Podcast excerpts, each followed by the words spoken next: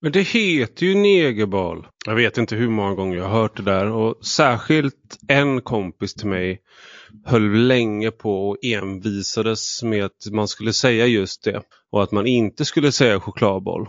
Eh, och jag förstod aldrig riktigt varför det var så otroligt viktigt att få fortsätta säga det där. Men någonstans så började det ju bli något annat när man envisas med att säga det. Men just den här kompisen han var väldigt envis med att säga det där och han hade en kollega som var svart från USA. På en personalfest så eh, pratade han med chefen som också var kompis med den här svarta anställda. Då. Och de var alla tre kompisar och då sa min kompis återigen att det heter ju en egerboll.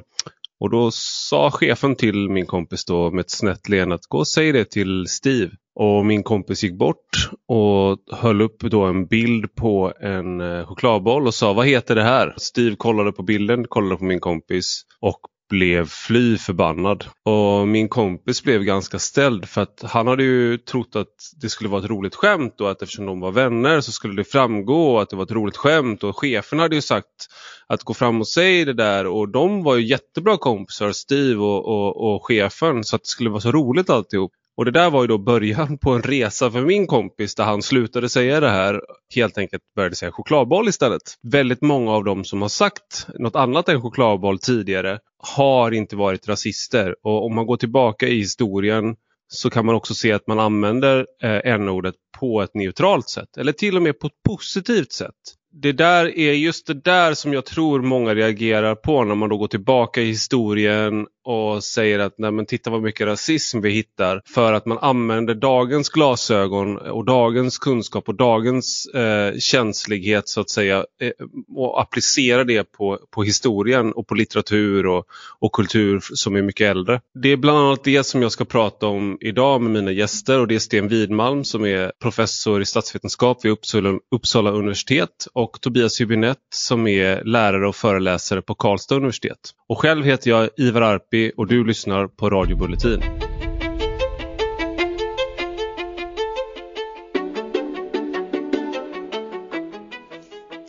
Välkomna Tobias Hübinette och Sten Widman. Tackar. Tack.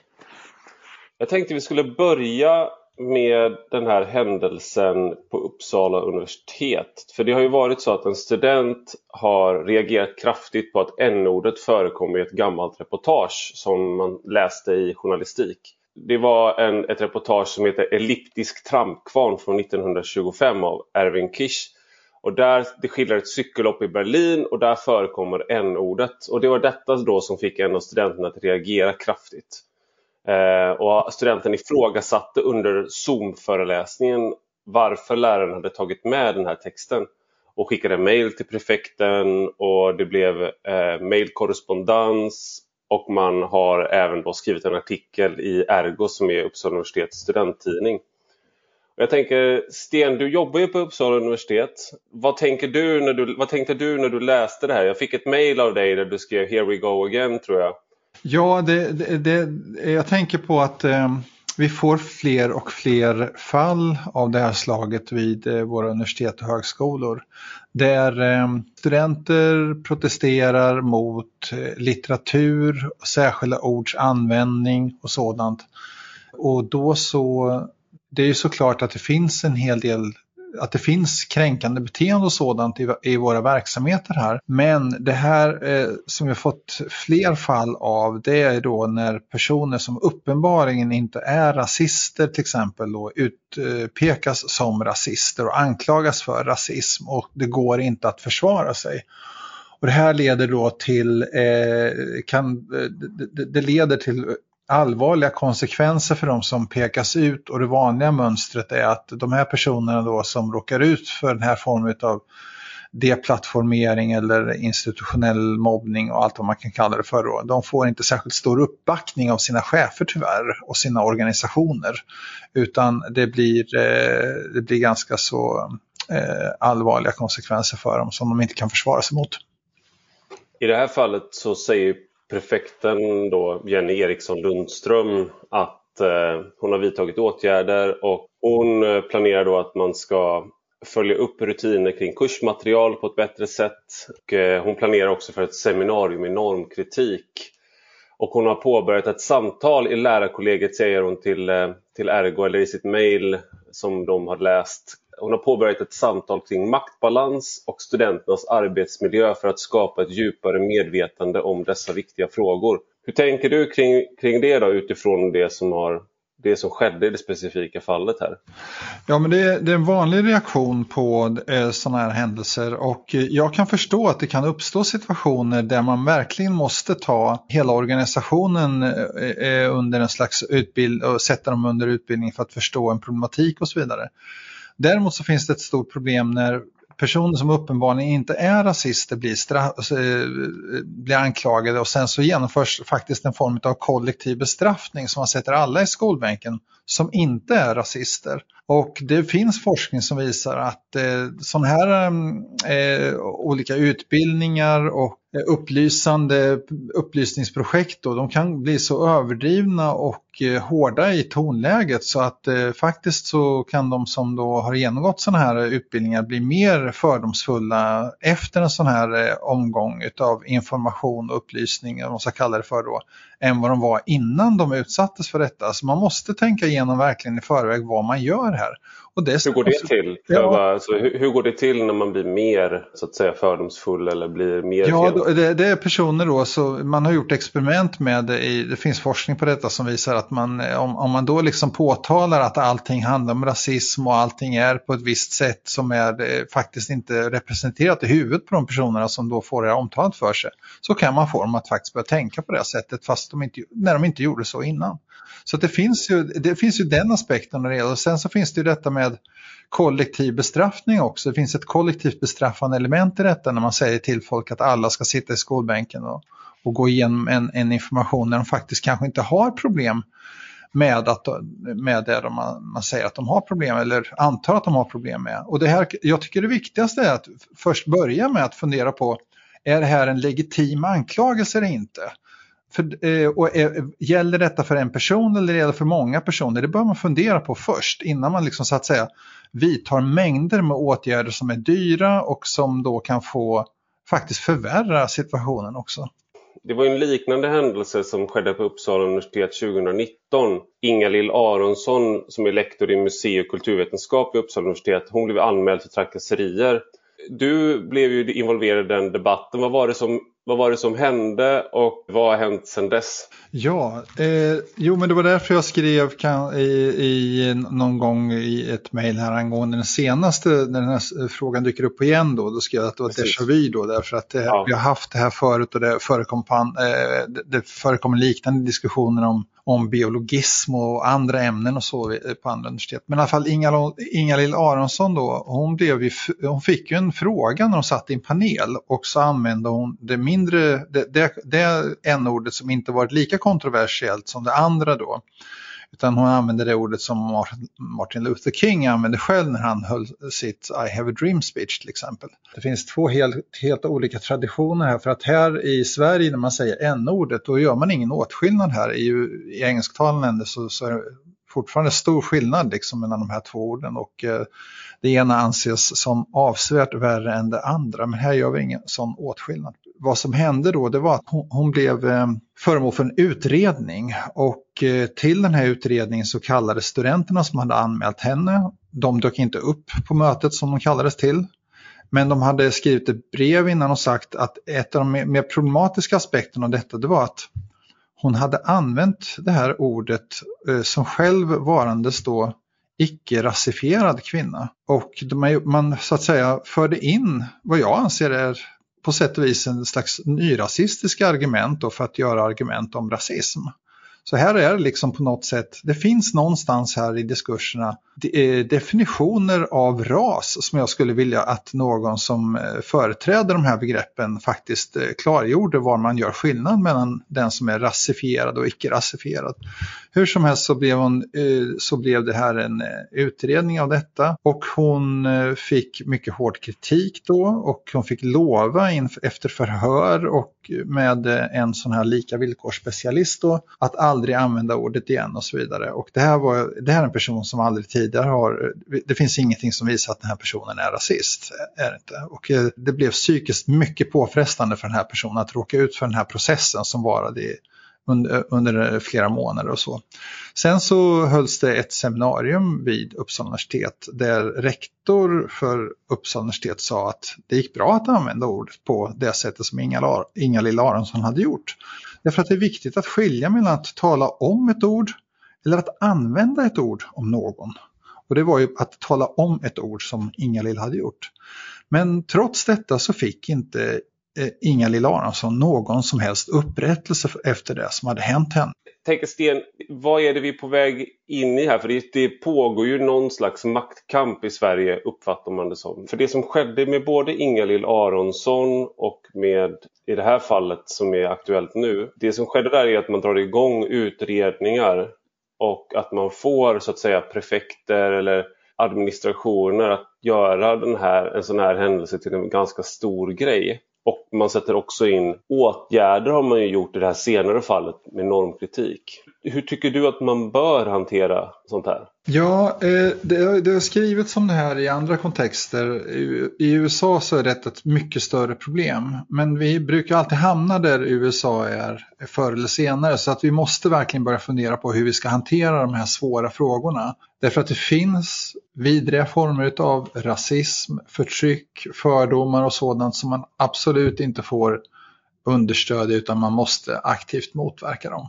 Problemet är när man försöker så att säga skapa institutionella regler för hur sådana här frågor ska hanteras så kan man gå för långt. Och då får man nya problem på halsen och som inte löser de gamla problemen alls heller, tyvärr. Och i det här, det som vi diskuterar just nu då, som jag har varit med och debatterat då, det, det är liksom de här fallen när bevisbördan hamnar helt på den som anklagas så den blir rättslös. Och varför blir den det då? Jo, det är för att man har då riggat regelverket på ett sådant sätt så att det går inte försvara sig med rationella argument. Och det har att göra med då att man diskuterar sådana saker som att det ska vara nolltolerans och man ska man vidga begreppet på vad som är rasism man säger, man börjar tänka i termer av att vissa saker, vissa personer med viss hudfärg får säga vissa saker och så vidare så att det blir nästan en, en, blir en väldigt konstig eh, situation av det. Men sen framförallt detta tänket också som går ut på att om någon anser sig vara kränkt så har det skett en kränkning och då finns det förstås en förövare. Och då kan den personen då som pekas ut inte försvara sig. Och det här har då blivit så att man reagerar som man gör då mot Martin Landahl och Inga-Lill äh, eh, Aronsson. Eh, och eh, i vissa fall så, så, så, fungerar de här regelsystemen så att man kommer åt problem med fördomar, mobbning och sådana saker. Då. Men det blir ju också då att det finns personer som har en, en, e, e, e, ett obalanserat tänk eller som är ute efter att straffa någon. Det är, det som är blasfemilagstiftning i vissa länder. Va? Det här är någonting man kan dra till med för att förstöra livet för någon annan. Och det är, liksom, det är farligt därför att taktiken är liksom att en, en, bara en, en, det är inte vanligt att sådana här anmälningar sker på det sätt som vi har diskuterat nu. Utan det är ju liksom, det är få fall men de, de gör stor skada därför att de förstör den fria debatten och det är den debatten mellan studenter och lärare men också mellan studenter som förstörs. Och då skapar vi segregation istället. Och några, då finns det kanske en liten klick individer då som vill eh, utnyttja de här regelsystemen då för att drämma till någon då som inte då kan sen då försvara sig.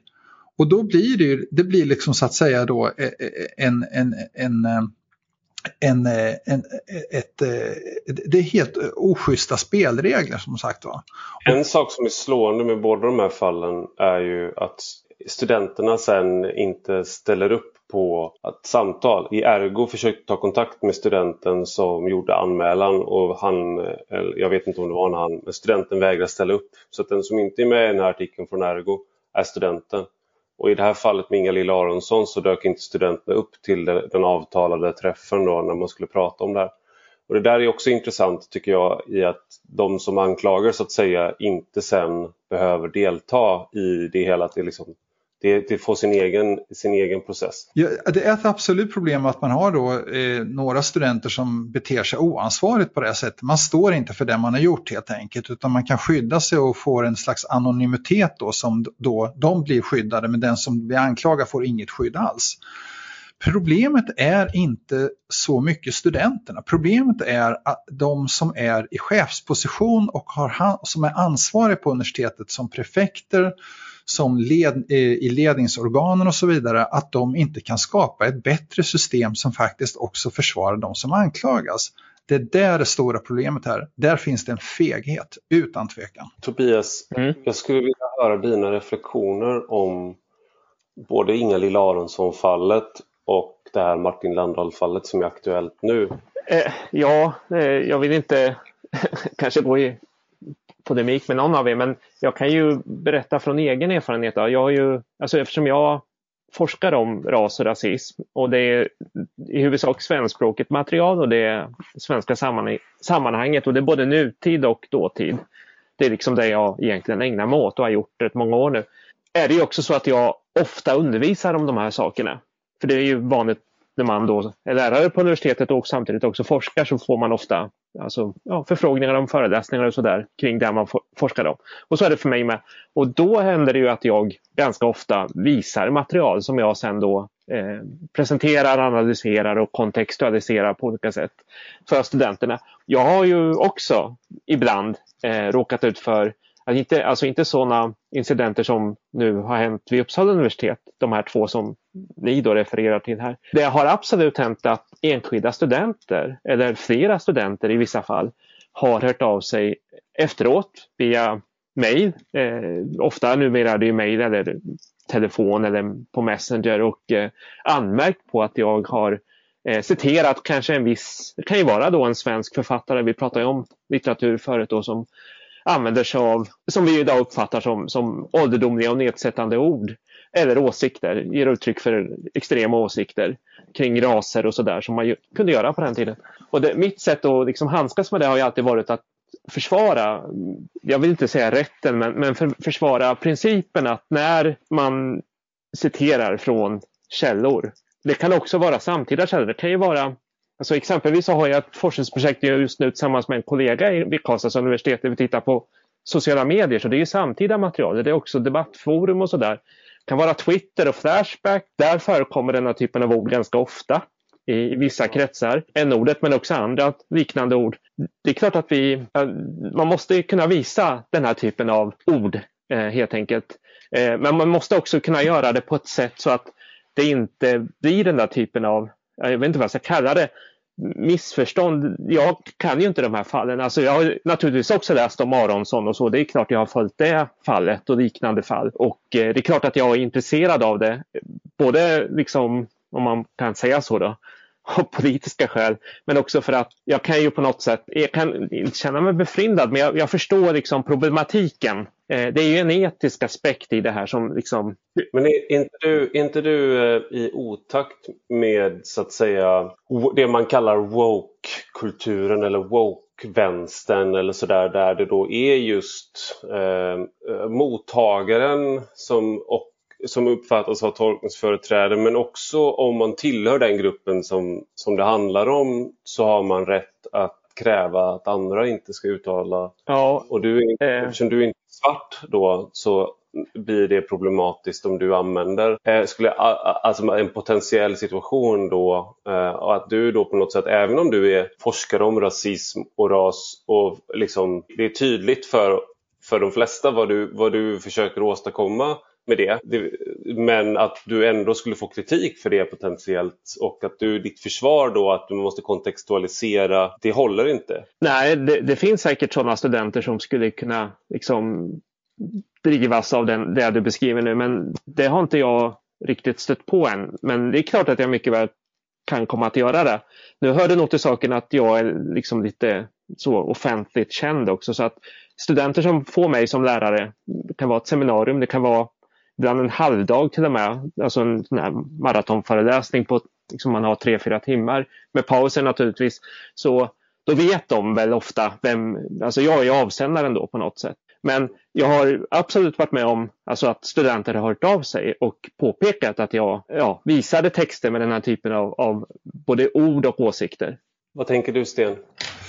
Ja, nej men jag har själv använt mycket material som handlar om rasism, förtryck av olika former. Eh, till exempel brukar jag visa varje år för studenterna eh, klipp från Birth of a Nation, eh, från Viljans triumf och så vidare.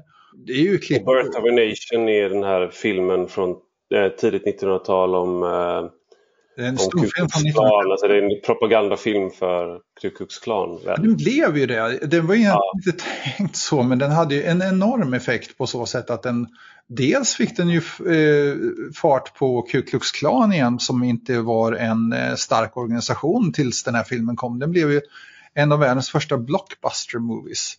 Och sen så, men sen den fick jag också fart på medborgarrättsrörelsen så det är en oerhört intressant utveckling som kommer från detta. Det blir viralt 1915 så att säga. Så det, det är väldigt belysande och så. Och det är ju självklart att vi ska kunna använda ett sånt här material precis som till exempel eh, Gunnar Myrdals viktigaste skrifter som har undervisats på vid eh, alla de stora amerikanska universiteten trots en titel då som inte går att använda längre. Men det, det, det, så att vad vi måste göra skillnad här det är ju förstås då att vi måste se, det är väldigt enkelt, vi måste på så sätt att vi ska se saker i sin kontext. Det finns ju till exempel nu en trend bland eh, internationell politikforskare att peka ut Hanna Arendt som rasist. Och då går man tillbaka långt i tiden och så säger man titta hur hon använder vissa ord då i jämförelse med vad vi anser vara är rasistiskt nu. Och så gör man en till rasist på ett sätt som är direkt, eh, ja, jag, jag, tycker att det är ohederligt. Och eh, så görs det i många andra sammanhang också. Och vad som är här då på gång det är ju att det finns då försök att tvätta bort vår förhistoria så att vi inte till slut kan tala om vår egen historia oavsett vad som är bra eller dåligt i den. Och detta måste ju så att säga ett universitet kunna säga någonting mer om än att man gör en utredning eller skickar alla på kurs. Du själv har ju forskat väldigt mycket om, om Indien, tolerans i Indien och, och, och sådär. Men att det, just den typen av forskning är inte det som är, står högst i kurs just nu utan då kanske det är just studier av på vilket sätt Hanna Arendt var rasist. Ja, det, blir ett, eh, det, det finns fler diskurser som eh, går över till ett metateoretiserande som är eh, till slut slutar, det slutar med självskadebeteende skulle jag säga, rent intellektuellt. Därför att det är väldigt många forskare idag som inte befattar sig med verkligheten runt omkring dem. Jag tänkte Tobias, du, du och jag har ju debatterat de här sakerna fram och tillbaka i många år. Du håller på att skriva en, en bok nu som du hade vänligheten att skicka till mig som jag, jag inte har läst hela men jag har läst en, en, hel del i den. Den heter Svensk rasism under efterkrigstiden, rasdiskussioner och rasfrågor i Sverige 1946 till 1977. Och den kommer ut på Carlssons eh, förlag 2021 i april. Mm. Det finns ju en historia här så att säga.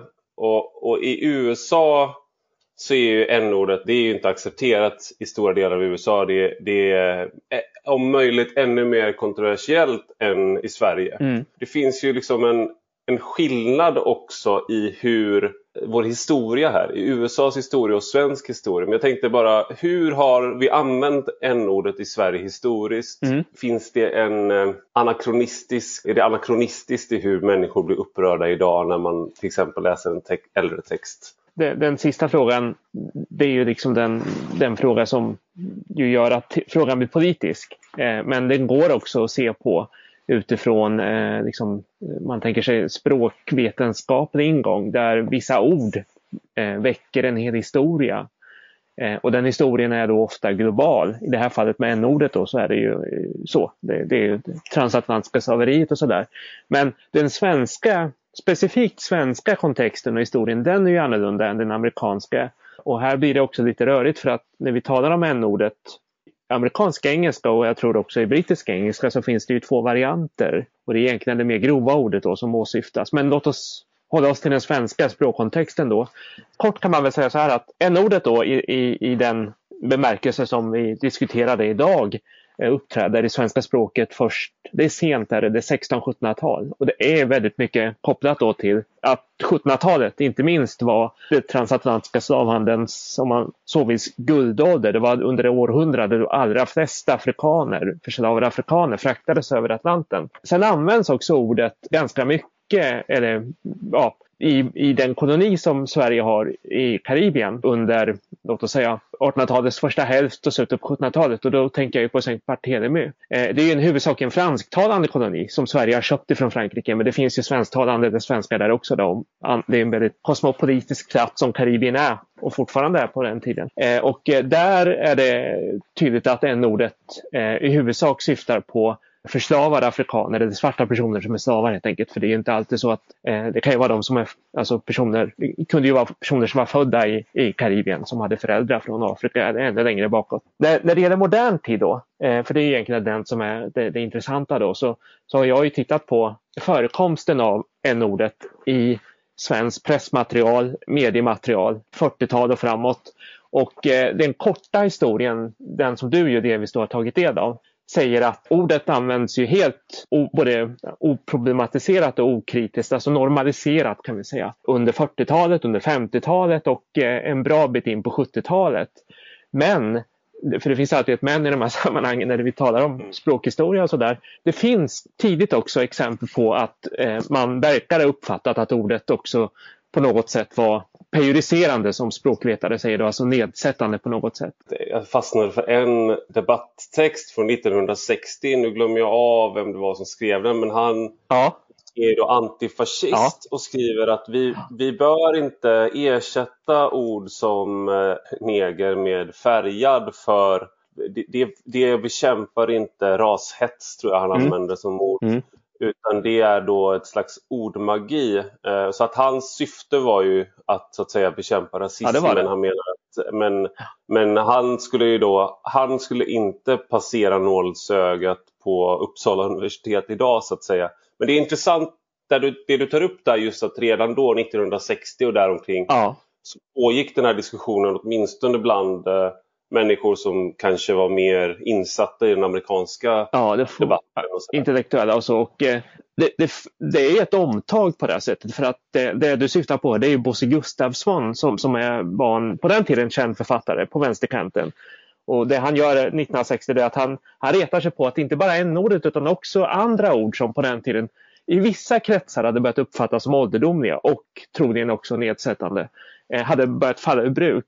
Eh, och han nämner då, ja, jag säger L-ordet, lapp då, Z-ordet tror jag han räknar upp också, alltså senare. Och en del andra ord. De här argumenten som vi hör, de har ju luftats tidigare det som slog mig när jag läste Bosse Gustafsson när du åt, i din återgivning var att det lät som någonting som jag själv skrev för några år sedan. Men det är intressant för jag har ju haft en helt annan position i debatten än vad Bosse Gustafsson, jag ska inte jämföra mig med honom, men han kommer från vänster och jag har uppfattats komma från höger med liknande, mm.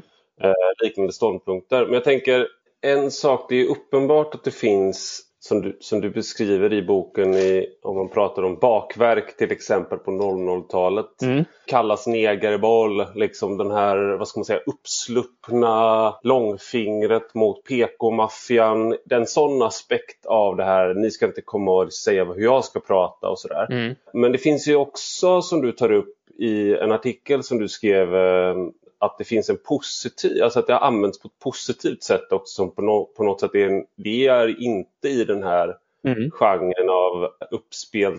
Ja. Ned, nedsättande, triumferande, luften är fri-anda utan att man har hyllat ja. svarta genom det här ordet också. Ja, det stämmer. Och det, det, är, det är en komplicerad berättelse då som jag ska försöka dra den här. Då. När det gäller amerikansk populärkultur så har ju den, den är ju alltså helt och hållet dominerande idag. Men den har varit där bland oss svenskar om man säger ganska länge. Eh, det kommer ju in amerikansk populärkultur redan under mellankrigstiden och det är jazzen såklart då. Det är, det är 20 och 30-talet. Lite senare, kanske ja, 40-talet framåt, så, så dyker också n-ordet upp i de sammanhangen. Och då är det på det här hyllande sättet och det är just i, ofta i relation till kultursammanhang. Men vi har svenska författare och poeter, vi har svenska sångare som använder sig av n-ordet och gör det helt uppenbarligen på ett... Jo, vi, näm vi nämner namn. Ja, okay. eh, Cornelis Vreeswijk till exempel, Povel Ramel, Evert Taube. Eh, sen har vi ju Astrid Lindgren i att eh, Pippis pappa och, och sådär vad han är. Sonny Åkesson. Det, eh, ja. Artur Lundqvist. Det, de är många. Ja. Eh, de är många. Mm. Och de gör ju det på det här hyllande sättet och de gör det på en nivå så att eh, de i stort sett identifierar sig med svarta personer och framförallt med svarta amerikaner. För det är inte svarta afrikaner vi talar om. Eh, utan det är, det är Af Af African Americans liksom, som är den stora grejen via populärkulturen och också via lite senare då när medborgarrättsrörelsen drar igång så är det också ett politiskt ställningstagande. Och det som sen händer i Sverige och det här, det här är en ganska bisarr liksom, historia som jag tror att det finns ju personer som lever idag, svenskar som lever idag som, som, som säkert liksom deltog i det här. Så det är nog, skulle jag gissa, ganska skamfyllt. Men man pratar alltså från, alltså i 30 års tid, eh, kanske ännu längre, från 40-talet till 70-talet åtminstone, så använder man alltså Eh, en term i svenska språket och det här är inte i några obskyra liksom, pojkmagasin utan det här är, det är Expressen, Dagens Nyheter och så vidare. Svenskan, GP eller vad det nu kan vara. Där man kan prata helt öppet om den svenska N-frågan, den svenska N-problemen och så vidare. Och så vidare. Och det man till en början med menar det är kvinnofrågan. Eh, okay. Och då är det feminister, de kallar sig inte kanske feminister på den tiden, men det är kvinnosakskvinnor som de kanske sa på den tiden som, som gör det.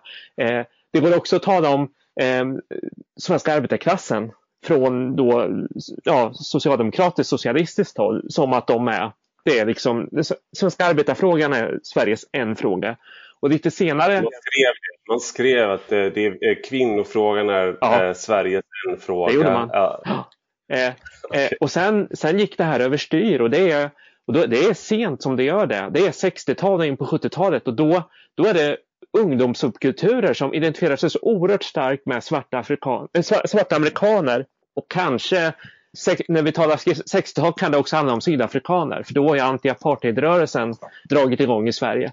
Eh, så det handlar också om någon slags positiv identifikation med ja, grupper som man inte har kontakt med i det verkliga livet. För det fanns ju väldigt få invandrare i Sverige på den tiden. Särskilt ja, från de här grupperna. Då.